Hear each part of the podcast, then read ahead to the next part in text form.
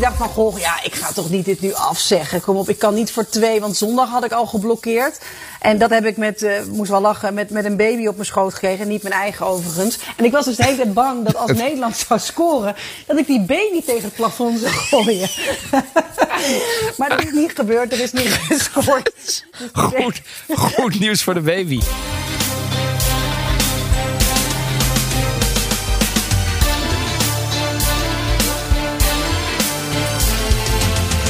Welkom bij aflevering 43 van de Italië-podcast. Ik ben Donatello Piras. En ik ben Evelien Redmeijer. En vandaag gaan we de weg op. Deze zomer kiezen immers ook om mij heen logischerwijs veel Nederlanders ervoor om de auto te pakken naar het zuiden.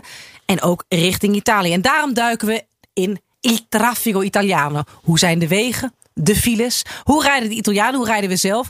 Alles komt langs van autostrada tot autogrill, van ZTL-zones tot het gebruik van de klakson. Maar eerst, Donatello, wat drinken we? Het is zomer, Evelien. En dat betekent dat we. Je zou het niet altijd zeggen. Neigen, nee, in Nederland hebben we zeven maanden winter gehad. Maar zelfs nu begint de zomer een beetje door te dringen. De langste dag is geweest. Zeker. Deze week zelfs nog. En ik had zin in een koele rode wijn. Heel goed. Nou ja, het is dus- heel makkelijk om dit te raden, uh, lief luisteraars. Want ik zit er tegenover en uh, ik heb hem al in mijn glas. En ik zie in ieder geval dat hij rood is. En hij is ook cool. Ja. ja. En dus zijn we naar het noorden van Italië uh, getogen. Kijk, ik had twee weken terug een keer een ervaring bij een goed restaurant in Amsterdam. Italiaans restaurant. En het was een zomeravond en ik had zin in zo'n echt zomersrood. Dus mhm. vol met kersen en fruit in je glas. Maar ze hadden alleen maar van die keiharde rode Italiaanse knijters. Weet je wel, Brunello. Eh, Amarone. Dat je denkt, ja maar wacht even. Ik eet niet in het wild gebraad met kerst nu. En ik met die man praatte. Toen zei hij, ja, eigenlijk eerlijk gezegd, ik snap wat je bedoelt. Maar dat soort wijnen hebben wij helemaal niet. Want ik hou daar niet van.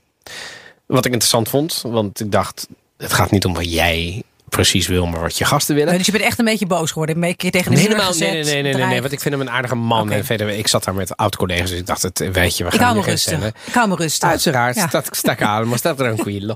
Maar ik had er ineens wel zin in. En toen dacht ik uiteraard voor de Italië-podcast. Uh, en vorige week kon niet, want toen had je die heerlijke Negroni. Ik heb een, ach, wat was Maar nu dacht ik, rood. En we zijn naar Zuid-Tirol geweest. Uh, oftewel Alto Adige. Pfannenstielhof. Lekker Italiaans klinkt dat. Klinkt echt Italiaans. Zingt Magdalena. Um, klinkt ook niet Italiaans, maar het is wel Italiaans. Want het is Zuid-Tirol. En het is echt een heerlijke wijnmaker. Ik heb hem gehaald bij een uh, heel goed zaakje in Amsterdam. Geheten Sprezzatura. Ken je dat? Nee, ken ik niet. Maar dat is ook wel waar we het over vorige week over hebben gehad. ja, niet? de achterloosheid. Hè? Ja. De, ja. En, en Vind ik grappig. Ja, hoe grappig is dat? En er is dus ook een enoteca in uh, Amsterdam die Sprezzatura heet. Um, en um, uh, uit, uiteindelijk um, uh, is dat een, een, een, een zaakje wat... hoe zeg je dat? beyond the average uh, wijnen heeft. Ja, dus, gewoon van het gebaande pad. Precies. En dat is echt wel heel lekker. Um, en ik probeer iets uit te beelden. Ja, ja. Oh. Ja, ik zoek iets. Ja, ja, ja want Nee, we zouden de Italië-podcast niet zijn als we het niet combineren. en we horen zo meteen wat waar het vandaan komt. Ja, waar het vandaan en wat we erbij doen. Maar dit is dus uh, uh, Sankt Magdalena. Um, het is 95% Vernach, dat is een druif. Aangevuld met 5% Lagrein. En Lagrein vind ik een heerlijke druif uit Zuid-Tirol. Uit één wijngaard. Dus dat is ook wel interessant. En de druiven worden samen vergist op staal rijpen daarna nog een klein beetje op houten voeders. Het is heel, ik vind het heel licht, maar proef hem eens even. Wat vind jij ervan? We gaan dan nu gewoon helemaal zomerwijn. Ja, ik vind het eh, sowieso gekoelde rode wijnen. Dan, dan, uh, daar ben ik dat vind ik hartstikke lekker. Misschien uiteindelijk heb ik wel meer liefde voor rode wijn dan witte wijn. Maar dat is af en toe gewoon zo zwaar op de maag en in de kop. Uh, en dit is toch wel is het ook qua promillage wat lager? Dat, is, dat valt tegen. dat is helaas dat niet valt het geval. tegen, zeker niet. Maar uh, hij, los van het promillage, want dat, dat is marginaal iets. Okay. Het gaat erom, Ehm, voelt het als een lichte wijn? Ja, voelt het als de zomer in je glas? Zeker. Nou, dat, dat, dat, ben ik, dat vind ik ook. En koele rode wijn is echt wel iets, echt iets, iets Het- verrukkelijks. Je ja. kunt dit gewoon recht uit de koelkast drinken. Dat is voor een rode wijn best uniek. Ja. Maar het komt natuurlijk uit een wat gematigder klimaat dan die knetters uit bijvoorbeeld Ja. Toscane. Dus we zijn gewoon naar Alto Adige gegaan en wij hebben voor jullie in de show notes de Südtirol Sint Magdalena Classico van Van Stielhof. Chin chin. Chin chin. Maar Ehm, wat eten we erbij? Want dat is minstens zo lekker. Zeker, eh, want uiteindelijk, eh, ja, ja, dat is toch wel prettig om er iets bij, eh, bij te knabbelen. Iets, wat is dit Ehm, voor ik, ben, heerlijks? eh, ik heb er een caprino bij. Dat is een, Een geitenkaas. Geitenkaas. Caprino, zie. Ja, en dat is dus gek genoeg. Hier in Nederland, Frankrijk zijn geitenkazen weer veel. En in Italië heb je veel meer pecorino's, dus schapenkaas. Schapen, ja. Dus caprino. Het is een jongere, maar wel erg Hmm. Smaakvolle Hij is zacht. geitenkaas. Zacht, maar wel met pittig. Ik heb het bij Terrelente gehaald in de Westerstraat in Amsterdam. Ook een van eh, de vrienden van de show waar we wel, eh, waar jij ook zeker eh, vaker Ja, langs bent. zeker, ja. En ik heb dus een grappig, dat gaf hij me er als tip bij, want ik zei dus van nou, we gaan dus een wat zomerse wijn doen.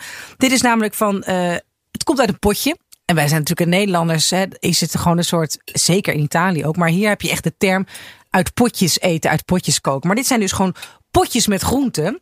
En dit is dus van een, ehm, een, een, een, een bedrijf, Barbieri heet het. En hij heeft daar een hele muur vol staan van nou ja, van, van, van paprika's tot tuinbonen, tot melanzane, tot. En ik heb hier de eh courgette. En die, ja, er zit wat Zo lekker. zuur bij. Ja, ik lees het even op wat er zit. Er zit Ja. wat olijfolie, wat knoflook, wat zwarte peper, wat mint, eh, wat azijn, wat zout. Maar ja, je zou het dus, als je het dus uit zo'n potje schenkt, denk je, nou bedankt. Eh, toch? Maar als je het dus zeker met die kaas erbij, het is echt mega lekker. Dus Ik moet eerlijk zeggen. eh, ik ben heel erg van de Italiaanse sotto acetti. Dus een Ja, beetje dat, dus- dat, dat, dat, dat, dat, dat eh, hoe zeg je dat? S- Dat. Sweet sour, ja. Ja. Ehm, want dat is ook een beetje eetlust opwekkend. En, ehm, en nou ja, nu hebben wij net al gegeten, dus dat kan niet. Maar je, je merkt toch dat, dat je daar dat- trek van krijgt. Maar daar draaien wij onze hand niet voor om. Hè? Wij kunnen eten en daarna weer eten. Dat is helemaal Toch? waar. Ja. En dit is echt een aanwinst als eh, bijgerecht. Mhm. Het kan op de borreltafel. Ik vind het super. Ik had het nog nooit op. Ehm, Wat is is dat onderschat. Brabant? Wat? Ik had dat no- nog nooit op. Dat heb ik ik, had nog, het nog nooit op. dat heb ik nog nooit van iemand gehoord boven de rivieren. Ja, sorry. Ik ben, ik heb, af en toe heb ik daar toch een beetje een na eh, lange relatie met een Brabantse. eh, heb- ik dat af en toe? Oh, ik mag maar ik mag thuis geen Brabants praten. Dus ik. eh, Nou, dat, dat, dat juich ik ook. ja? nou ja, ja. Pas op, hè, want er, gaan nu reacties ik wou net zeggen, ja. oh god, 1, 2 van de. Nee, maar, Neven maar, ja, Brabant, zeg maar ik. Het is gewoon, toch de, de mooiste provincie van Nederland? Zeker, en de gezelligste. En als er ergens eh, aandacht is voor lekker eten en lekker drinken en van het leven genieten, is het daar. En daar brandt nog licht. En, en daar brandt nog licht. Maar eh, dat had ik nog nooit op. Heb ik nog nooit van iemand gehoord die niet uit Brabant komt. Maar uiteraard eerst, Donatello, jij was voor het eerst in bijna een jaar weer terug in Italië. Vertel. Ja, dat was wel een mooie ervaring, zeg, om dat eh, mee te maken. Milano. Ja, dat was eh, deels eh, ook wel voor de podcast. Want zoals we hebben al. Tuurlijk. Hè, we gaan natuurlijk. voor werk, Precies. voor werk. Nou, een beetje voor werk. Vooral ook wel heel veel privé. Dus het was, het was heel mooi. En het viel ook nog midden in de achtste finales van het EK. En ik heb ook nog allerlei dingetjes. Die we in een mooie special van de Italië podcast over Milaan kunnen doen. Als hoofdonderwerp. Volgende dus, week? Zeker, ja. Maar vertel, jij hebt, eh, bent daar met vrienden naartoe geweest. Ja, zeker. Met de twee van mijn beste vrienden. is jou goed, is jou wel bekend. Dus, eh, maar je, wat voor, heb, maak jij dan het hele programma als je naar Italië gaat? Nou, in dit geval wel. Hoewel ik normaal iemand ben die dat dan ook helemaal minutieus dichttimmert. Maar ik dacht, nou, laten we dat voor één dag misschien doen, maar de tweede dag niet. Ehm, maar, maar ik heb wel een tour gedaan bijvoorbeeld. Drieënhalf uur eh, een fietstour. Eh, grote aanrader, dus daar eh, zal ik eh, de volgende keer ook nog wat meer over vertellen. We hebben de zogenaamde monopatini elettrici gehuurd, dus van die elektrische steps. En daarmee door de stad heen gezoefd. Dat was ook een mooie ervaring. Dus we hebben zeker niet alleen maar gebruikt om in thema te blijven met onze uitzending van vandaag met de autowegen. Op verschillende manieren hebben we daar gebruik van gemaakt. Dat was wel heel leuk. Ehm, Maar hoor ik jou nu nog eigenlijk enigszins schoor van het schreeuwen tijdens Italië? Want dat viel Ja. mij op Ja. toen ik stukjes zag in onze Instagram, eh, Ja. onze Instagram eh, pagina. Dat jij eh, de- het verschil tussen jouw stem de dag voor de achtste finale van Italië en de dag na de achtste finale van Italië was jouw commentaar toch beduidend heeser. Ja, dat is wel waar. Ik heb gisteren ook nog even gepresenteerd met een redelijk heese stem. Ik weet niet hoe het nu klinkt. Ja. Ik heb het idee dat het beter wordt. Maar nee, Het is ik, beter, het is ja, beter. Zaterdagavond was het ehm, Italië. En het was echt een wedstrijd waarin ook de Gazzetta kopte. Ja, we hebben geleden en we hebben vreugde gekend. Nou, dat, is, dat, dat geleden, dat herken ik wel. Dus toen uiteindelijk die 1-0 viel, toen heb ik denk ik ook alles van me afgeschreeuwd. In een volle kroeg in eh, de wijk Navigli in Milaan. Daar was het super druk. Ehm, ja, ik denk, dat, weet je, dat je dan probeert ehm, het geluid te overstemmen en zo. Dat is nooit eh, heel verstandig. Eh, en maar ik, eh, ja. waren er veel toeristen op de benen eigenlijk al Heel weinig. afgelopen weekend? Nee, heel weinig. Dus wat dat betreft was het toch wel een redelijk unieke Ja, zeker. Rustig zien. Was ik ook wel blij mee, want dat was natuurlijk wat we al weken riepen toch in de Italië-podcast Evelien. Van ga nu, dan Ja. is het rustig. Ik dacht, oei, dadelijk, dadelijk. Maar ik, ik moet echt zeggen, ik denk dat ik één Frans gezin heb gezien. En voor de rest heel erg weinig toeristen. Bijna niet eigenlijk. Gewoon alleen maar Italianen. Ook overal waar we geweest zijn. En heb jij in een kroeg gekeken of heb jij buiten gekeken? Ik heb in een kroeg gekeken. ehm, met terras, zeg maar. En twee schermpjes. Waarvan soms de ene, soms de ander uitviel. Wat dan natuurlijk op de grote, af en toe scheldkanonades. naarmate de avond vorderde van de Italianen kon. Eh, maar ik moet ook wel zeggen dat het verschil tussen bijvoorbeeld Milaan. en dan wat meer in het zuiden. eh, ook wel groot was. Ik wilde eigenlijk in zo'n park op zo'n groot scherm boeken. Maar dat, moet, dat moest nog op anderhalve meter. Dus dat zat helemaal stijf uitverkocht. Dus dat is me niet gelukt. Dus we hebben gewoon een Ja, kroeg gepakt. Ehm, waarbij ook allerlei mensen die niet per se geïnteresseerd waren in voetbal. Gewoon jongeren die eindelijk ook weer mochten. Maar aan het einde van de avond moet ik toch wel zeggen, was de sfeer wel opgelucht bij iedereen. Ja, want hoe opgelucht was, eh, ben jij? Het is inmiddels begint Italië een soort stille favoriet te worden. Vooral voor wat betreft het voetbal. Ehm, eh, hoe vond jij de wedstrijd? Even jouw jouw diepgaande analyse vanaf Italiaanse bodem eh, dat je het hebt gekeken. Nou ja, de, kijk, ieder iedere ploeg groeit meestal tijdens een toernooi. Nu heeft Italië het altijd wel eh, dit toernooi heel goed gedaan. Hè? Vond vriend en vijand. Hebben we het ook al eerder over gehad in de Italië-podcast. Maar je hebt ook altijd minimaal één hele slechte wedstrijd. Nou, en zo'n slechte wedstrijd die kan je of de kop kosten of je wordt er sterker door. En ik denk dat er bij Italië dat laatste is gebeurd. Uiteindelijk hebben ze gewoon met 2-1 gewonnen. Eh, van een stug Oostenrijk. Nederland heeft daar eh, ook van eh, gewonnen. Ehm, maar, maar ja, het- weet je, ook zo'n zo'n Oostenrijkse ploeg, heel fysiek. sp- fysiek spel. Italianen zijn iets kleiner van stuk. Daar ligt het fysieke spel zo minder. Ze hadden een Britse scheidsrechter. Dat is toch iemand die niet snel fluit. In de Premier League mag je gewoon af en toe meer doen. En je merkte dat de Italianen dat wat, wat slechter konden dan de Oostenrijkers. Dus heel lang was het spannend. Ja, en toen uiteindelijk toch nog ehm, eh, door de verlenging. eh, met, met, met twee doelpunten, overtuigende doelpunten, waarvan ik die van Chiesa heel mooi vond. Ja, ik, het was een opluchting. Maar ja, mijn analyse is dat Italië nog steeds wel een hele goede ploeg heeft. Eh, en aanstaande vrijdag moeten we tegen België. Dus poeh, dat wordt de volgende En, uitdaging. En de Nederland-Italië finale is, is van de baan. Want jij hebt ook Nederland, het Nederlands elf, dat debakel gekeken nog in. eh, ja, dat was, nog, dat was nog treuriger, Evelien. Toen zijn we maar naar de. Het was toch. Omdat daar, werd, daar werden natuurlijk Oh, nog je minder wedstrijden. Nou ja, beide. Eh, eh, waar ik heb gekeken was terug. Want er waren meerder, minder plekken waar, dat kon, waar ze dat natuurlijk lieten zien in Milaan. Moest je echt naar een sportclub. Dus wij zijn naar de Irish Pub getogen. Waarvan ze boven ook nog zeiden: ja, maar we gaan hier de muziek niet uitdoen. Ze zaten, ja, hebben we dan zin om dan naar een wedstrijd te kijken met Chris Isaac op de achtergrond? Antwoord van mijn vooral Ja. mu- muzikale, muzikale vriend. Eh, nee, daar heb ik geen zin in. Ehm, dus toen zijn we naar de kelder getogen, maar die was helemaal leeg. Dus hebben we de stoelen van de tafel gehaald, scherm aangedaan, daar het geluid aangedaan. Werden we nog wel bediend met biertjes. Maar ja, toen, werd, toen begon natuurlijk die wedstrijd. Toen werd, de sfeer alleen maar treuriger. Toen werden we nog wel vergezeld door één andere Nederlandse jongen, een Nederlandse acteur. Die had eerst gedraaid op Sicilië. En die moest de volgende dag iets regisseren in, eh, in Milaan. En die was ook even bij ons beland. Maar de sfeer werd alsmaar treuriger. En, eh, want eh, is er dan nog ook wat troostende woorden van Italianen? Want het bizar is, de zes uur wedstrijden, zolang Italië niet speelt, worden dus niet door de RAI uitgezonden. Nee, Dan word je nee. ook niet. Ge nee. Nee, dus klopt. daarom is het ook moeilijk geweest om zo'n eh, om, om zo'n wedstrijd te kunnen Ja, doen. moesten we hadden- hulp van het hadden- hotel nodig zelfs. Omdat het heel lastig Italianen is. nog troostende woorden? Want in Nederland, eh, joh, eh, wel Oranje, ligt toch altijd wel ergens wel eh, goed. Zeker. Ja, je hebt de meestal ook, ook altijd wel lovende woorden. En ik heb altijd een beetje ook de indruk dat als Nederland goed speelt, dat de Italianen ook het fijn vinden om, om, om zich. Om, om daar dan lovende woorden over te geven. Het is toch Ja. een team wat altijd op heel veel bewondering kan rekenen. Ook vanwege heel veel Nederlanders die, die natuurlijk in de Italiaanse competitie spelen en hebben gespeeld. Eh, De Roon, eh Hatenboer, nou ja, ik hoef ze niet te noemen. Iedereen kent ze. Maar ik, nee ja, uiteindelijk gingen we daarna uit eten. Het was onze laatste avond, dus toen hebben we het eerst eventjes van ons afgedoucht. En toen zijn we daarna nog even in een goed Milanese restaurant eh, risotto alla Milanese en een goede fles wijn gaan drinken. En daartussen kwamen we weinig Italianen tegen, behalve dan het hotelpersoneel. En die vroegen, en that was the game. Dus toen riepen wij natuurlijk, nou, laat, laat maar zitten. Laat maar- No, I can't believe it. No, they, they Wow, what happened? Weet je wat? Dus toen was het een totale verbijstering van in ieder geval de, de jongens achter de receptie die gewoon niet konden geloven dat Nederland had verloren. Maar ja, dat was toch echt wel zo. Ja.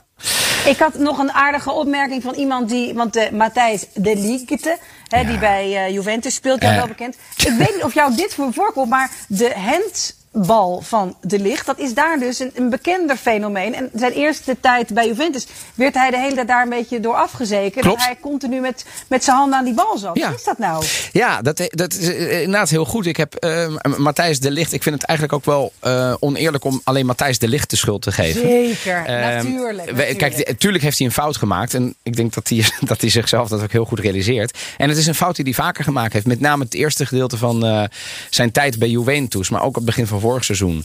ehm, was het zo dat hij op de een of andere manier heel vaak een soort ja, ik noem het maar reflex slash instinct heeft. Om op het moment dat hij het met zijn voeten niet meer redt. Om dan toch een tik tegen die bal te geven. En dat is heel raar natuurlijk voor een verdediger. Want dat is bijna altijd een penalty. Eh, en of een rode kaart. En in, in, in slechtste geval een combinatie daarvan. Dus het is, dat, ja, dat moet hij niet doen. En ik vind het ook zo zonde. Omdat hij, ja, ik vind hem echt een van de grootste talenten van Nederland. En, eh, en ook van de Serie A als verdediger.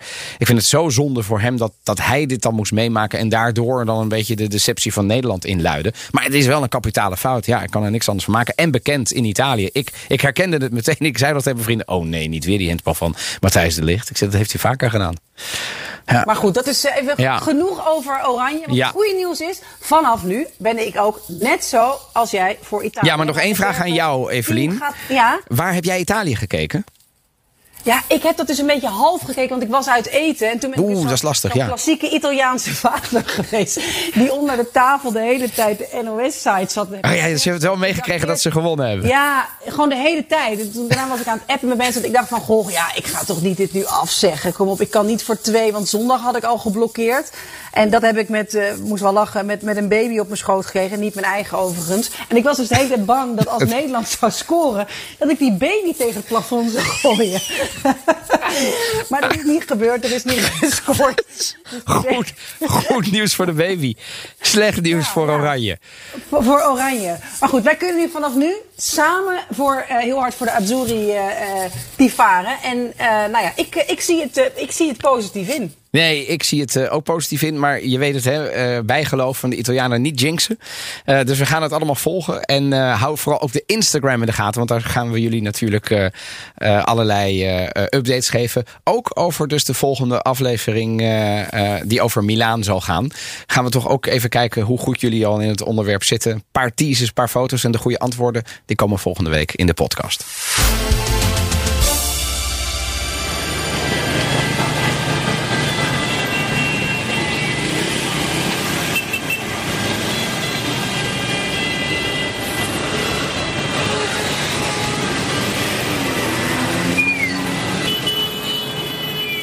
Ja, ik word er ook wel heel vrolijk van. Ik ook. Maar zo klinkt verkeer in Nederland met al dit getoeter toch nooit Dit? In Nederland. Dit is toch echt duidelijk. Dit is ook Zuid-Italië. Ja. ja, want we gaan dit jaar veel van ons rijden naar Italië. En omdat dat toch echt iets anders is dan in Nederland, willen wij onze luisteraars uiteraard beslagen te ijs laten gaan en voorbereid de weg op. Ik heb zelf in Italië leren rijden. Ik heb wel in Nederland mijn rijbewijs gehaald, maar uiteindelijk heb ik voor mijn gevoel leren rijden en vooral leren inparkeren in Rome. Dat kan- dat dat ja. moet wel, hè? Anders, nee, serieus, ja. want dat kan ik nu serieus op de centimeter. Want daar is ook niet heel veel meer plek dan, dan die centimeter die je dan extra hebt. En in Rome geldt dat iedere plek in principe een parkeerplek is. par- parkeerplek is totdat het tegendeel bewezen is en je een Eh. dikke, eh, dikke boete hebt. Maar Donatello, jij, laten we beginnen met wat jouw ervaringen zijn op de Italiaanse weg en wat jouw plannen zijn deze zomer. Want jij gaat ook een roadtrip maken. Oh, heerlijk. Ja, ik, ik moet zeggen, ik ben nog nooit iemand geweest die ehm, angst heeft gehad om in Italië te rijden. Eh, ik heb in Palermo gereden. Dat, ik denk dat dat mijn heftigste ervaring is. Daar zijn vier rijstroken bij het toplicht, maar dat zijn er acht. Dus vier officieel acht. Eh, eh, gewoon praktisch. Eh, ik heb in Rome gereden, ik heb in Milaan gereden, eh, Cagliari, kan er ook wel wat van. Ja, je pas je gewoon aan, weet je wel. Dus dat is, dat is wel te doen. Ik ga deze zomer rijden naar Italië, dus ik ga naar. uiteindelijk kom, ik tot Toscane. Mijn vrouw en kinderen vliegen in. En ehm, ik rijd dan met de Alfa Romeo Giulia. Eh, ah, die dus jij breng gaat ik weer ook nog even thuis. met La Bella Figura ga je La gewoon- Bella Figura, Sissi. En dan eh, rijden wij eh, richting Italië eh, via Duitsland. Ik weet nog niet of ik Zwitserland of Oostenrijk pak. Ligt even aan mijn overnachting. Dus ik pak of de Brennerpas of de Gotthard. eh, of de Fernpas. Ligt er een beetje aan. En dan ben ik in Italië. En eh, ik vind de Italiaanse snelwegen horen tot de beste van Europa. Zeker, Nou, ja, zeker, dames en heren, zeker, dat hoort u goed. De beste van Europa. Qua onderhoud, qua breedte, qua alles. Het- Het is niet gratis, hè? Maar goed, daar komen we nog Nee, op. daar komen we nog op. Dan hebben we de. In Italië heb je ook nog. Ik begin met positieve dingen, want er is genoeg ook Zeker. negatiefs te zeggen. Ehm, er zijn, als je van Verona. Verona naar het Gardameer wil, bijvoorbeeld. Dan zijn er ehm, vijf verschillende wegen. Andere type wegen, superstrada, eh, autostrada, eh, eh, die je kunt nemen. Dus Ja, je hebt super- alternatieven. Interessant. Superstrada is dus minder dan de autostrada. Eh? Autostrada, daar betaal je voor. De superstrada niet. Ja, maar omdat je Nee, denkt, nee, is heel- ik zou, ja, zeggen, ik zou ja, zeggen sup- super is super. Ja, nee, de Superstrada, de SS. Bijvoorbeeld op Sardinië heb je geen autostrada. Daar is alles een SS. Daar is alles een Superstrada. Dat is, het voordeel is, het betaalt, je betaalt geen tol. Het nadeel is, het, rijdt, het is minder breed. Het is net iets minder goed onderhouden. Maar dan heb je ook nog de La Strada Provinciale. Die is nog minder, de SP. En dan heb je daarnaast ook nog de lokale wegen. Het voordeel is, je hebt allerlei alternatieven om van A naar B te komen. Het nadeel is dat hoe, min, hoe lokaler het wordt en hoe zuidelijker je komt. Sorry for that. ehm, dat de kwaliteit van de wegen toch wel iets minder wordt. Dus als je in Lombardije rijdt, valt het allemaal wel mee. Maar als je bijvoorbeeld tussen Umbria en Toscana rijdt, merk je wel een verschil over hoe het onderhouden wordt. Ja, ik vind het wel heel lief dat je daar stopt. Want we, gaan, we kunnen nog een stuk verder door naar het zuiden. En daar wordt het eh, niet veel beter. Daar maar, stoppen snelwegen soms. Nee, ja, nee, nee zeker. Maar, maar de wegen zijn, daar zeg ik, weet nog dat ik in 2003 voor het eerst in Napels was, of 2004. En toen was daar ook echt, toen was daar nog echt zijn de wegen, waren de, was het verkeer zo dat je dus verkeerspunten had. Die, waarbij de verkeerslichten op rood sprongen en op groen sprongen. Maar dat niemand zich daaraan hield. Bizar. Heel bizar. En dat is nu wel echt Nee, anders. dat, dat, dat, Maar- dat, dat heb ik ook nooit meer. Echt waar? Echt bizar. En ik weet dat ik er echt van, wat is dit voor een... Waar, waar, waar In- ben ik beland? Napoli. In Napoli. Gewoon dus echt rood-groen. Dat ging gewoon alsof het een soort decoratie was Ja. boven de Oh, weg. we moeten En oppassen met Napels, Nee, nee, nee. Maakt me echt geen bal uit. Want ik, ben, ik was er Ik en zo het was zeggen, het. Punt. Dus, en het is nu een stuk beter. Eh, maar zo was het gewoon. Maar even kijken. Ik moet ook zeggen, Maar- eh, het verkeer heeft voor mij een hele ehm, belangrijke plek als het gaat om mijn liefde en haat voor Italië. En dan gaat het Oh, toch dit is helaas vooral eh, over de haat. Ik heb lang in Rome gewoond en ik, het verkeer Oeh. in Rome is gekmakend. Maar het staat toch altijd vast daar? Het is, dat zeg ik ook niet alleen, het is qua verkeer de drukste stad van Europa. Jawel, de Romein staat gemiddeld 66 uur per jaar in het verkeer vast. Tweede stad ter wereld als het gaat om verkeersdrukte en opstoppingen. Alleen Bogota. eh, in, Is, is het een grap? Nee, nee. Nee, ik, ik maak geen grappen. Alleen, eh, eh, nee, ik maak hier geen grappen. ik Maar maak geen grappen. ik, ik hoor namelijk altijd i Romani klagen, is maar die hebben niet- dus gewoon is- gelijk. nee, Het is echt niet normaal. Het is echt gewoon op bepaalde tijden en zeker als het regent. Ik had daar een brommer, want da- dan ben je in ieder geval kun je er langs. Maar als het regent en iedereen dus de auto neemt, want het, het ja, sorry, Want een beetje een nat, nat, nat worden, bella figura, doe je niet? Nou, maar Anke, omdat er geen, helemaal geen eh, OV is wat een beetje werkt. En, en, die, en, die, en die straten stromen over. Het is echt vervelend om te zeggen, want ik ben ook dol op die stad op andere punten. Maar dan is het echt een derde, vierde wereldstad op dat moment Rome als het plens van de regen. Maar goed, die Ik denk wel eens dat het in de tijd van de Romeinen beter voor elkaar beter was. voor elkaar was. Omdat ze Ja. dan in ieder geval de, de afwatering hadden geregeld en het verkeer stukken minder was. Maar het is toch bizar dat, ze, dat, dat, dat je gewoon 66 per uur in het, ver- in het verkeer vastzit. In, ik bedoel, ga het even uitrekenen. Bezopen. Begrijp je? En, en dat is, nou ja, goed. De gemiddelde Romeinen zijn, zijn ook mensen die niet heel ver moeten reizen. Maar Maar, het is dus achter Bogota. maar het is dus. We hebben het, over achter- Latijns-Amerika. Ja, ja, dus de- nee, nee, nee. Bogota is de enige die erger is. Maar Mexico City eh, doet het allemaal beter. Wauw. Dat, dat zijn geen cijfers die ik, ik verzin. Dat Nee, zijn, nee, eh, de- ik red al subito. Ehm, en dat is dus ook dat je gaat, ja, maar dat redden we niet op dat tijdstip van nee, het regent, dus we kunnen niet komen. Ehm, Rome is ook veel groter. De ring Dat is waar. Dat is waar. eh, Oppervlakte, 80 ja. kilometer lang. Dat is veel hoor. Dat is, het is Als je het vergelijkt met de ring Amsterdam, waar wij is eh, dat, zeg maar 10, nu 15 zitten. kilometer, zoiets? Waar hebben we het over? De ring Amsterdam, eh, ik denk een kilometertje of 15. Ja, nou goed. Denk ik. Ja, dus, dus, Ja. Dus naar de andere kant van de stad is ook ver. En met dat verkeer is het gewoon soms gewoon echt niet te doen. 45 minuten in de auto zitten is heel normaal. En dat is prima als je 20, 30 kilometer af moet leggen. Wat ook normaal is. Maar als het gewoon om een paar kilometer gaat. Die nou eenmaal altijd vaststaan. Dat, daar word je echt... Ja, zo, Dat, dat, dat is vreet aan je, aan je ziel. Ik Ja. kan het niet, Nee, nee, nee, nee, maar- ik kan het niet en, en rustiger ik, ik moet je eerlijk uitleggen. zeggen dat ik, ik, ik bedoel, ik ben wel eens in Rome geweest, best wel vaak. Een keer of vijf, zes denk ik. Maar nooit, eh, ik heb ook wel eens gereden, maar ik heb nooit echt daar gewoond. Nooit langer dan drie dagen gebleven en gebruik gemaakt van taxis. Dus dat is mijn ervaring. Ik kan me goed voor. Maar wat ik, heb alt, wat ik altijd heb meegekregen is de frustratie van mensen die wel in Rome Ja. woonden. Nog altijd of woonden. Ja. En het, het lijkt alleen maar erger te worden ook. Zeker, zeker. Steeds meer mensen, steeds meer auto's, steeds meer... eh, Maar wa- waarom nou, pakken omdat- ze dat niet aan? Ja, dat is een hele goede. Af en toe eh, ja, zeggen ze van goh, laat alle Japanners nu ne- Rome onder handen nemen. Een hele groep mensen uit een hele andere cultuur die dat doen. Ja. Eh, laat ze boven de stad zweven. Want je hebt natuurlijk wel te maken met een stad die waar je ook graaf kom je dingen tegen uit de Ja. oudheid. En daardoor is de bouw van een metro. Is het weer logisch. opgebroken? Maar dat is het niet het enige. Er is Nee, daarom. Dat is te allerlei. Het is ook te makkelijk om te Het zeggen is- ja. En, en, en, en, en. Het is zo mooi En sommige in dingen Rome, kunnen ze niks oudheid. aan doen. Nee. Maar er zijn ook heel veel dingen waar dingen ze waar ze wel aan kunnen doen. En waar ze niks aan doen, toch? Maar het is niet alleen maar geklaag, want ik heb er wel leren rijden. Want wat zie jij nou, ik heb er namelijk best wel wat, als de grootste verschillen in rijstijl tussen de Nederlander en de Italiaan? Joh, heb je Ik zou even- zeggen veel assertiever. De, nou, sowieso. je, De Italiaan. nooit, je krijgt nooit voorrang Als je het Italië. negatief framed, is de Italiaan agressiever. Je zou het ook anders kunnen zeggen. De Nederlander is passiever. En dat kan in het Nederlands verkeer, waarin iedereen más o meno de regels eh, respecteert. Kortom, op het moment dat je voorrang moet. Dan...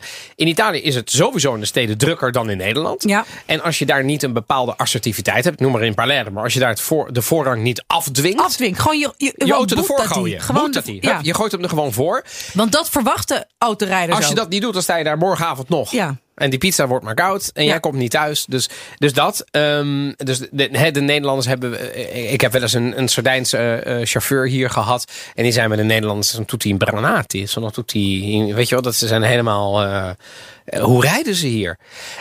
En dat is logisch als je het relateert aan de Italiaanse manier. Want ja, eh, als je in de jungle niet meedoet met het gevecht, dan word je opgegeten. Ja, maar ik ben en er zo ook zie niet- ik dat een beetje. Ja, maar ik ben er ook niet tro- trots op. Want ik heb dus, het is heel bizar, maar ik had dus een brommer. En ik heb dus tot drie keer toe heb ik de accu of de batterij van mijn toeter moeten, moeten laten bijvullen. Eh. Het, eh, waardoor het echt op lijkt alsof ik gewoon eigenlijk die toeter indruk. Maar in Italië ik- doet hij ook veel meer. Ik in toeter veel- Italië maar- maar ik heb ik het geleerd zoveel. op Sardinië. Ja. Mijn neef mocht namelijk nog niet rijden. Dus ik ging in die hele zomer op de brommer. En dan ging je van dorp tot dorp met hilarische tafereelen. Waar we eh, vast ooit nog een keer naartoe komen. En wat je dan doet is, omdat de overzichten tussen de traversen, tussen de zijstraten Mhm. niet goed is. Je toetert even om te zeggen, ik kom eraan. Maar als je best wel met 40 per uur gaat en je gaat zo'n dorpje door. Dan doe je piep piep, piep Ja. piep. En dan komt er weer iemand. Dus er is Nee, een ook- kakofonie van, Ja. van, van klaksonerende... Ja, oké, maar dit is wel heel, heel, Vespa's en- heel lief hoe je dit nu uitlegt. Het is ook in Rome, als er een verkeerslicht op groen gaat en jij wacht anderhalve nanoseconde, dan wordt er getoeterd. Ja, dat is Hier is ben je stress, echt een jongen. hele dikke ploert als je dat doet. En ik ben helaas nog steeds een hele dikke Italiaanse ploert als het gaat om het gebruik van de klakson. Ik weet nog dat ik met een vriendinnetje in de auto zat en ik ging achteruit en er kwam iemand langs en ik wilde gewoon even zeggen, "Eh, ik ga eerst even. En zij zei echt zo, wat loop je in de auto toeteren? Ik zou, oh ja, nee, dat ben ik, dat, dat ben Ja. ik gewoon gewend. Ik voelde me echt een soort Neandertaler die weer zich moest aanpassen in de. Ja, jij, jij bent het. er wat. ik heb ehm, een keer, ik weet het nog in mijn studententijd, het eerste jaar heb ik met een vriend van mij. Op een gegeven moment dacht ik, hé, ik ben verkeerd gereden. Dus dan heb ik gewoon die auto achteruit van mijn vader gewoon dwars over de Wena gereden. Die vriend zei van mij, wat doe jij nou? Ik zei, ja, ik ben verkeerd gereden. Ik kan... Oh, oké. Zo kan het ook, zei hij. Ja. ja, eh, dat was eigenlijk de nette manier van hoe doe je dat. Maar ik moet ook wel zeggen, ehm, bijvoorbeeld wat ik fijn vind aan de Italiaanse snelwegen is dat ik weet wanneer de Italianen gaan inhalen omdat ze een knipperlicht aandoen. Ja. Als, dat, als je dat achter een Nederlander doet, dan roept die Nederlander meteen: Hé, wat doe jij nou? Doe even rustig, man. Ja, ja, ja. Weet je wel? Van, ik, eh, ik ga je er niet langs laten. Dat gaat de Nederlander dan doen. Ik ga je er niet. Wat nou? Ja, nu, nu zal ik je krijgen. Terwijl een Italiaan doet dat om aan te geven: ik wil, ik wil passeren. Ik Ga- vind ga er langs. Italianen beter rijden dan Nederlanders. Ik vind Ja, het duidelijker. Vind ik een erg grote ja, generalisatie. ik- ja, ja, goed. ja, maar ja. ja, waarom? Ja, ik weet niet. Ik vind het duidelijker. Ik vind dat mensen gewoon eh, makkelijker. Er staat niet een soort van twijfel over. De een wil harder rijden, de een wil zachter rijden. Ja, nou, misschien heb ik meer in Italië gereden dan in Nederland. Maar hier vind ik mensen vooral heel, ja, heel irritant en traag. En, en, en er wordt heel slecht op mijn, en er wordt heel wel. slecht op mijn toeter gereageerd. Ja, dat, Nee, dat grapje. slaat. Nee, Bij een nee. snelweg vinden ze dat al heel snel. Maar het, het nadeel van de Italiaanse snelweg bijvoorbeeld vind ik dat eh, het gebruik van de richtingaanwijzer bij het inhalen is er. Maar Niet bij rotondes. Dat. Hebben ze niet. Maar ook bij het wisselen van rijstroken, dat ergert mij dan weer. Gaan ze gewoon bam. Ja, en dat is bloedirritant. En ze rijden soms, weet je wel, in Italië is het doodnormaal om dan een of andere echtpaar wat denkt, we gaan eventjes rustig eh, naar eh eh zon- Tante- Tante is zondagmiddag. Letizia. En die gaat gewoon rustig met 80 km per uur op de middelste rijbaan. Ja, ja. ja en, en dat is bloedirritant. Ja, dat is de zondag. Hè. Dan liggen er meestal ook die, de hoedenplank, daar liggen dan, dan hoedjes op. Ja, heel Ja, lief. Ja, maar het is ja. ook wel heel lief. Gewoon echt ja, la gita della domenica. Gewoon het, het- het, Kruisjes eh, op het eh ja, die- die ja. Ik vind dat toch, als wij dan ook tips geven, waardoor mensen een fijne vakantie in Italië hebben en ook geen boetes krijgen, de ZTL-zone. De ZTL-zone. Ja. Vertel. Zona Traffico Limitato. Ah, oh, dit Die wordt heb- een goede tip is zometeen. Echt een goede tip, want ik heb daar dus ook een keer een, een bevriend eh, koppel mee geholpen. Vertel. Het is een van de meest verraderlijkste dingen. Het begint met Zona ZTL, Zona Traffico Limitato, de beperkte verkeerszone. Er staat een ontzettend hoge boete op. En heel vaak is het gewoon maar een bord met Z- Zona ZTL. En dan moet je maar begrijpen wat dat het is. is Italië en laat ik, laat ik het één groot nadeel Ja? noemen van in Italië. La segnaletica, de borden. Ja, in het ja, noorden valt het mee. In Echt het midden is het eigenlijk al onder de maat. In het zuiden is, Is het, een, is het is het, is Ja. het, een, het, het is een schande. Ik heb wel eens letterlijk in Sicilië... ga- er vliegen nu borden door de Ge- heb ik echt gekeken. Gere- dan moest ik vaart minderen. Ik reed 130 uiteraard. En ik moest naar 70. Omdat ik niet. Dat bord stond 10 meter voor de afslag. Welke debiel heeft dat in godsnaam Ja, nee, klopt. erop Dat is heel vaak. Dat, dat, is ook, dat is echt niet. De, en, en ook heel vaak dat er dan de afslagen zijn kilometrage met die niet 20, klopt. Met 20 dingen. Dat jij dan heel veel moet kijken. Ja. Als een soort Rain En een er Nederlander 30 die de taal ook nog eens een keer minder machtig is, die wordt koekoek. Dus ja, die, die denkt dan, wat gebeurt er hier natuurlijk? Nou, anyway, ehm, superleuk. Het betekent dat je daar dus dat er maar een, alleen eigenlijk bewoners in mogen of nou, in bepaalde uren. En oké, als je heel veel kijkt. Centra van steden hebben dat toch vaak? Centrum van steden hebben dat vaak. In Rome, Milaan, Turijn, op allerlei plekken. Ja. Die boete, zijn altijd camera's, zijn extreem hoog. En als iedereen zich afvraagt, eh 150 euro, 200 euro. Oh, oké, ja, ja. Ik had Serious? een bevriend koppel die eh, in drie dagen tijd vier keer daarin waren gereden. Wauw. Die kregen gewoon 1400 euro. Echt? Eh, ja, heb ik uiteindelijk. En, ze- met- en, en dames en heren, het is al lang niet meer zo in Europa dat je ze niet krijgt. Je nee, krijgt je ze krijgt, gewoon. ze, je krijgt ze, je, krijgt ze, je krijgt De ze. souvenir van de vakantie. Zeker, gezellig. En ehm, als je een auto huurt, gaat dat er nog een keer over de kop. Want dan moet. eh, Nou ja, dat, Oh, dus, ja. dus dat wil je niet. Zona traffic en mutato moet meteen alarmbellen afgaan. Dan ga je of kijken op dat bord wat er betekent. Eh, als je het niet begrijpt, zou ik, die hele, zou ik er gewoon niet in gaan. Misschien dat we voor de, voor de, de service aan de luisteraars van Italië podcast het bord van het Zona Traffico Limitata even Gaan we eventjes- op eh, ja. Instagram kunnen Ja, zetten. gaan we even Toch? laten zien. Ja. Het verraderlijke is ook nog dat er soms wel een soort van groen en rood licht staat. Oh. Zona traffico limitato attiva betekent, en dat is heel vaak groen, Super of Italiaans act- dit. actief. Laat maar en dat betekent, Soms dan mag je er niet. in. Nee, Maar soms wel. Nee, maar sowieso actief betekent, mag je er niet in. Ah, En het kan ook wel eens groen zijn. Dus actief is nee. Want dat betekent dat e de controle... non puoi entrare, Nee. je mag niet. Non attiva. Terwijl heel vaak mensen dan zeggen van... er staat een non, dus niet goed. Non attiva betekent wel. Je mag wel. Ja, het is bijna een soort CDA-congres. Als u voor bent, stemt u dan tegen. Ik was er. Maar dat is. Was je er echt? Zeker. 2000 Rijnhal, 2010. Ik heb het eh, boekje nog. Och, ik heb toen een prachtig. analyse geschreven voor het Nederlands Debatinstituut. Oh, oh ik heb nou dat goed. reliquie heb ik nog. eh, Oh, ik ja. echt serieus. Nou goed, ik, ik Goed. eh, ja, ja. Eh, Dus, maar dat let daar alsjeblieft op. Ja, want ze zijn ding. overal, ook in kleine Toscaanse dorpjes, ook dit. En die camera's staan gewoon aan. En eh, niemand, dat je denkt, ja, maar het kan toch niet dat je gewoon een Italiaans bord staat, eh, bord er neerzet en dat het helemaal niet duidelijk is voor buitenlanders dat je er niet in mag. Maakt ze niks uit. Of ja, maakt misschien wel meer landen niet uit. En maak Maar- niet de fout als eh, Nederlander of hè, om dan te zeggen van joh, daar staat een carabiniere of, het is, of een vigile, die staan Ja. er vaak.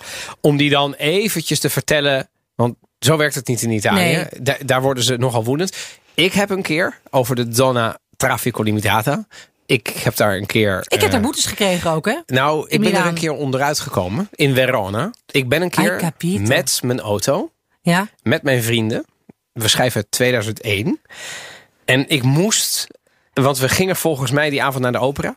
Ehm, en ik moest naar dat centrum toe. Dus ik ging parkeren in Piazza Bra. Op Piazza Bra. Dat kan helemaal niet. Maar ik moest daar langs. En op een gegeven moment dacht ik, ik rijd er gewoon langs. En ik heb dus een bord met Zona Traffico Limitato. Heb ik genegeerd. En wat gebeurde er? Ik werd natuurlijk staande gehouden door een bunch of carabinieri. Dit is de eerste en vooralsnog enige keer dat ik net heb gedaan alsof ik geen Italiaans sprak. Ja, ik vind dat, dat is altijd wel een mooi gewoon- dilemma. Ik heb, het ook wel dat, gedaan. Ik heb dat dus nog nooit. Want Nee, ik vind het het is- eerste. Maar ik heb het is gewoon je gedaan- eer te na, maar het is- ik heb- helpt wel, Dus ja. ik zo, ja, sorry man, ik weet het niet. En, dus, en, en die man, en ik verstond natuurlijk heel goed wat hij zei. Dus die werd soort van woedend van, ja, maar wat is dit? Weet je, wat, wat- ik was ook echt de enige auto tussen allerlei wandelaars. Het kon Maar het is wel heel gewoon leuk niet. dat wij bij de hij, opname- Terug. Ja. En toen Deze zijn we man hebben wij vanavond voor deze aflevering, in de studio gehaald. Oh, Hier maar ik- En.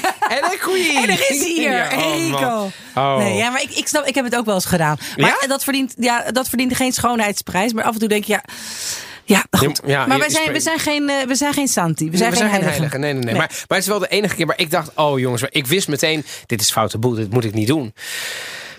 Maar goed. Oké, maar het is lang niet allemaal kommer en kwel. Let op de ZTL-zones. Eh, laat eh, het, het verkeer in Rome eh, links liggen. Overigens is daar parkeren een stuk goedkoper. Dat is 1 euro op de meeste plekken. Vergeleken met Amsterdam en. Hou op zeg. Is alles te doen? Maar ik vind de autostrada, jij noemde het net al kort. Het is wel echt, het, ja, het, het is geweldig. Het is gewoon, ja, op de meeste plekken is het van zulke goede kwaliteit. En kun je gewoon doorblazen. En het kost natuurlijk wel wat. eh, eh, Het is, zijn tolwegen. Stukje geschiedenis. De bouw van het Italiaanse autosnelwegennet is in de jaren 20 en 30 eh, is het aangegrepen voor propaganda door de fascistische overheid van uiteraard Mussolini. Certo. Eh, de eerste autostrada eh, was de Autostrada dei Laghi. Die verbond Milaan, Varese en Como. En die was niet toegankelijk voor voetgangers, fietsers en paardenkarren en ander langzaam verkeer. Jawel. Mooi hè? En, maar het was wel de manier om motorvoertuigen, zodat zij nu snel naar, van stad naar stad konden rijden. zonder te worden opgehouden door verkeerslichten of andere verkeersdeelnemers. En het was de bedoeling om de aanleg en het onderhoud van de snelweg te financieren met de tolopbrengst. Maar al in de jaren twintig was er, er zo weinig in. Toen nog in de jaren twintig waren er zo weinig auto's dat dat er helemaal niet in zat. En toen heeft de fascistische regering van Mussolini ingegrepen en die heeft toen de rekening betaald. En eh, nou ja, eigenlijk hoopte Mussolini dat de nieuwe snelweg ook symbool zou zijn voor de Italiaanse droom en de Italiaanse economie zou stimuleren. En nou ja, dat het een soort symbool zou worden voor nationale trots. En het interessante is, het schijnt dus dat de Duitsers uiteindelijk in 1930, heb ik even opgezocht, bezocht ene eh, Piero Porcelli, Duitsland, om een nieuwe ontwerpstandaard van, voor autosnelwegen te creëren. En de Duitsers keken dus van de Italianen af. En dat vind ik dus wel grappig. Ja, ja, ja. Als mensen er niet maar mee eens zijn, We hebben het het wel eens gehad over eh, eh, Italiaanse uitvinders. En dat, dat Italiaanse in bouwwerken ook wel goed waren, inderdaad. Ik vond bijvoorbeeld de Autostrada del Sole. Dat is de. eh, Iedereen heeft het in Nederland vaak over de Autoroute du Soleil. Ja. Eh, maar de Autostrada del Sole begint in Milaan. is de A1. Eindigt in Ja, de Reggio- A1. de A1. En volgens mij heet hij in het zuiden dan weer A3. Want Ja. dan doen ze het weer anders. Maar 1250 kilometer lang. Uit, in de jaren 60 voltooid. Ja. Ehm, en ik vind het ook, het is ook een mooie. Oleandri erlangs. Hij is, hij, is, hij is goed begaanbaar. Je hebt autogrill langs de snelwegen. Kunnen we het daar En even over hebben? Eh, possiamo parlare di autogrill. Ja, Het ik ben daar best beter- een fan van. Ik ben daar echt een fan. Ik denk dat er zeker twee werknemers bij Autogrill in dienst zijn die gewoon puur op wat ik daar heb uitgegeven eh, worden betaald de afgelopen jaren. ik denk Want dat er dan vier zijn. Want, eh, Nee, ik heb daar echt gewoon serieus aan, koffies en aan brood. Want ik, ik kan een broodje Icaro erg aanbevelen. Ca- Un, bro- un panino eh, positano. Ja, misschien is het hetzelfde. Het is gewoon een soort, soort, soort rauwe ham en een soort zachtige kaas Ja. en rucola. En rucola. Eh, allora sì. Dat En, is, dat però schiacciato. Yes, schiacciato. Dus dat die even verwarmd wordt. Even, ja. Het is wel zo, ik moet zeggen, want je moet natuurlijk ook niet hè, eh, te negatief zijn in het land waar we leven. Want ik zit nu weer in Nederland en ik zit veel op de weg. Inmiddels. Mag ik zeggen dat ik, ben in, Echt? in 2005 gaan lease De- rijden in De Nederland. benzinestations zijn zo verbeterd hier ook in, In, in 2005 voelde je je gewoon een vrachtwagenchauffeur. En was je blij als, als je een degelijk broodje gehakt of een broodje Ja. kaas. Was vaak verpakt. Bij de Shell hadden ze nog de beste. Ja. Inmiddels hebben is alles een soort Deli France geworden. Exact. En dat is fantastisch. Toen was de Gauto Grill was een soort walhalla. Want daar hadden ze en verse broodjes. Maar je kon ook voor 4,50 euro een verse pasta krijgen. Ja, maar dat oh is toch- my god. Maar dat is toch hartstikke lekker. En ik heb dus, eh, dat is wel grappig. Ik had, eh, want ik, in Italië zijn de afstanden groter. Dus het is heel normaal dat je met een cameraman dan 400, 500 kilometer aflegt. En ik heb één cameraman die altijd iedere auto grill af wilde. Gewoon om te kijken wat het assortiment was. Gewoon heel veel kijken in het winkeltje en zo. Want je hebt dus ook echt een winkeltje met wijn en allerlei speelgoed. Daar moet grappig. je wel doorheen. Nee, daar moet je, daar moet je helemaal doorheen. het is wel grappig. want Ik dacht op een gegeven moment, hey, grappig. Ze hebben best wel chique Chianti's lijkt in de aanbieding. Toen wilde ik dat dus afrekenen. Toen zei dus een van de werknemers in de autogrill... Nou, non lo farei. Ik zo, sorry? Ja, is gewoon eigenlijk echt geen goede wijn. Heel aardig. Die zei gewoon van, ja, sorry, prima.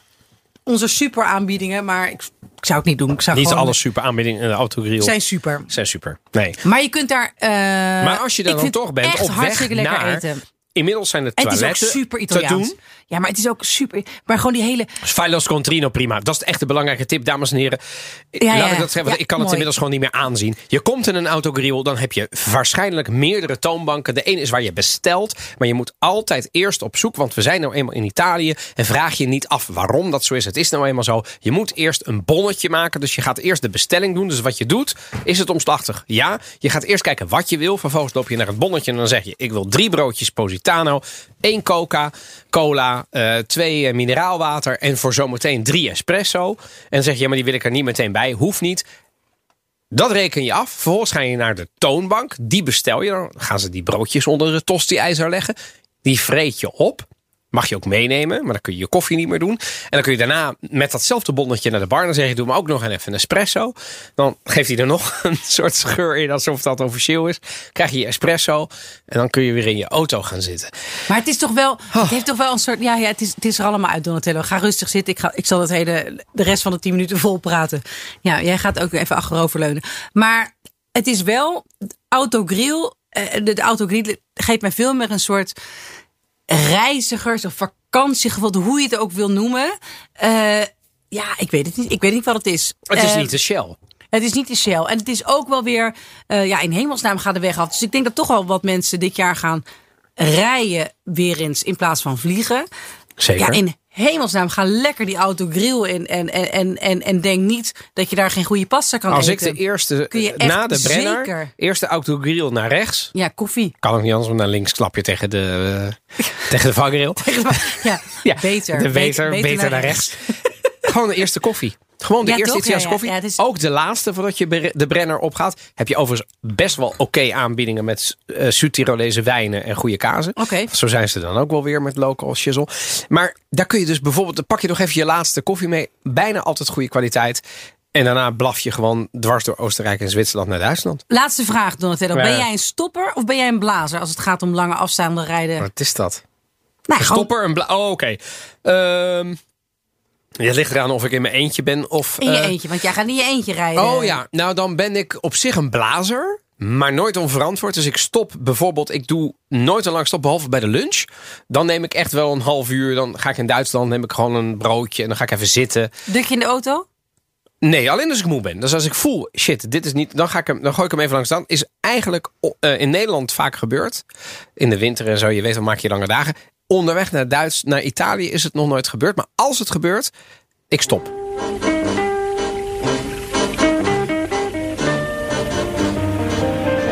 Quando arrivammo a Milano, ci accolse il buio. Sembrava una città sopravvissuta ad un incendio. Il fumo l'aveva completamente dipinta di nero. Indossava lo stesso abito scuro che portano i morti nel loro ultimo viaggio.